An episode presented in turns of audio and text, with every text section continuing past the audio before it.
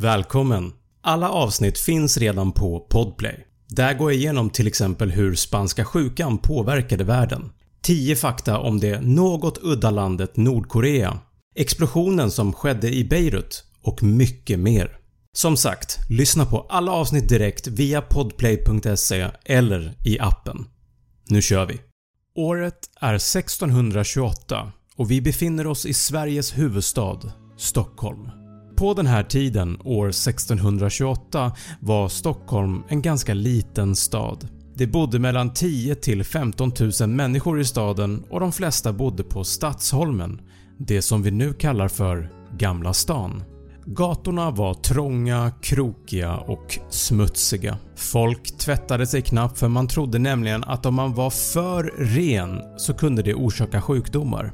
Ingen gatubelysning fanns heller så när det blev natt så blev det kolsvart. Det här året var dock lite speciellt för invånarna i Stockholm. Ett skepp som hade varit i produktion sedan 1626 var äntligen färdigställt. Inte vilket skepp som helst. Det var regalskeppet Vasa, eller Vasaskeppet som det också kallas.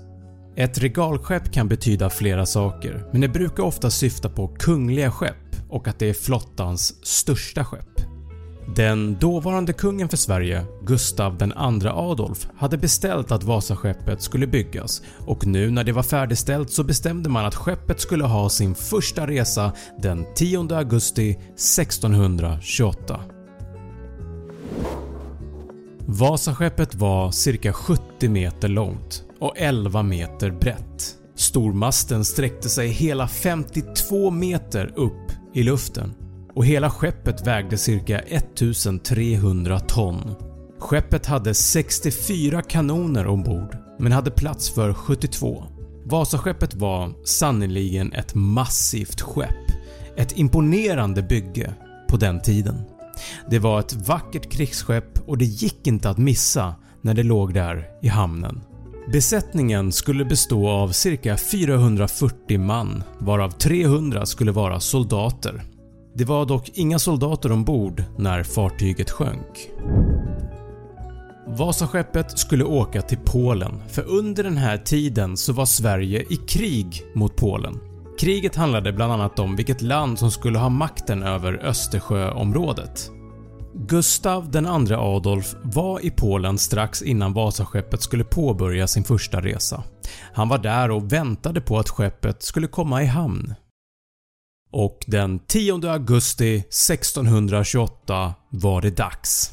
Skeppet låg säkrat strax nedanför slottet Tre Kronor och hamnen var smockad med nyfikna åskådare.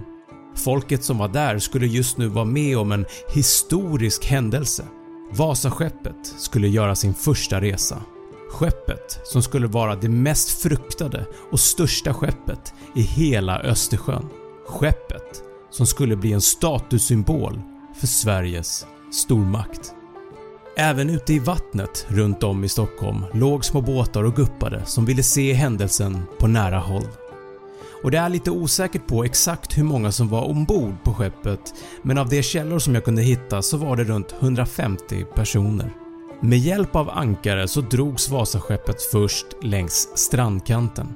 Det gav åskådarna en möjlighet att se det massiva skeppet och när Vasa var vid Slussen så hissade man segel och sköt salut.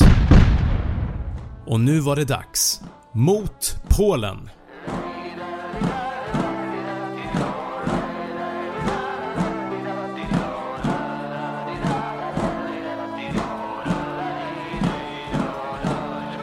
Men det gick inte riktigt som man hade tänkt. Efter bara 15 minuter så kom en kraftig kastvind och skeppet fick slagsida.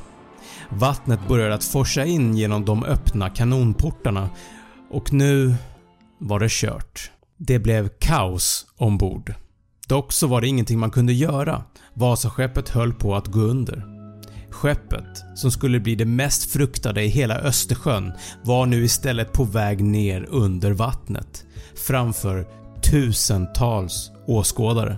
Vasaskeppet hann bara en knapp kilometer och sjönk strax utanför Bäckholmen. Mellan 30 till 50 personer omkom i olyckan och de flesta som dog var inuti skeppet när det sjönk. Och då kommer vi ju till den naturliga frågan. Varför var skeppet så ostabilt?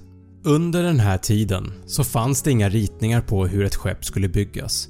Det fanns heller inga matematiska beräkningar som kunde fastslå hur stabilitet uppnås på bästa sätt. Kunskapen hade istället förts vidare från generation till generation. Vasaskeppet var också unikt på det sättet att det var det första av sitt slag. Inget liknande skepp som skulle klara av tyngden från alla kanoner hade byggts tidigare, vilket gjorde att man fick gå lite på känsla. Vasaskeppets master, segel och kanoner gjorde helt enkelt att skeppet var för tungt upp till och för lätt ner till. Man försökte balansera ut detta genom att placera stora stenbumlingar i botten av skeppet men tyvärr räckte det inte till. Man genomförde till och med ett test av stabiliteten i hamnen innan första resan, ett så kallat krängningsprov som gick ut på att flera man sprang från en sida av skeppet till det andra och sen tillbaka igen och på så sätt så kunde man få skeppet i gungning och simulera vågor och vind ute på havet. Det här testet fick dock avbrytas snabbt eftersom skeppet höll på att välta. Och det mest logiska i den här situationen när Vasaskeppet inte klarar av det mest basala som ett skepp borde klara av, att hålla balansen, borde ju vara att inte åka. Men man gjorde inga åtgärder för att förbättra stabiliteten och resten är historia. Den 24 april 1961 så togs Vasa upp ovanför ytan. Första gången på 300 år.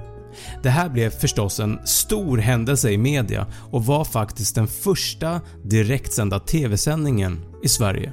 Idag står Vasaskeppet i Vasamuseet som öppnade 1990. Det är Sveriges mest välbesökta museum med över 1,5 miljoner besökare varje år. Vasaskeppet är det bästa och faktiskt det enda välbevarade skeppet från 1600-talet och det har lärt oss mycket om hur man levde på den tiden. Men det går inte att undvika en tanke. För även om Vasaskeppet är ett massivt och imponerande bygge så är det också ett historiskt bevis på hur man inte ska bygga ett skepp. Tack för att du har tittat. Tack för att du har lyssnat på det här avsnittet. Alla avsnitt finns att lyssna på via podplay.se eller i appen. Glöm inte att prenumerera på min YouTube-kanal Snabbfakta och på Instagram heter jag snabb.fakta.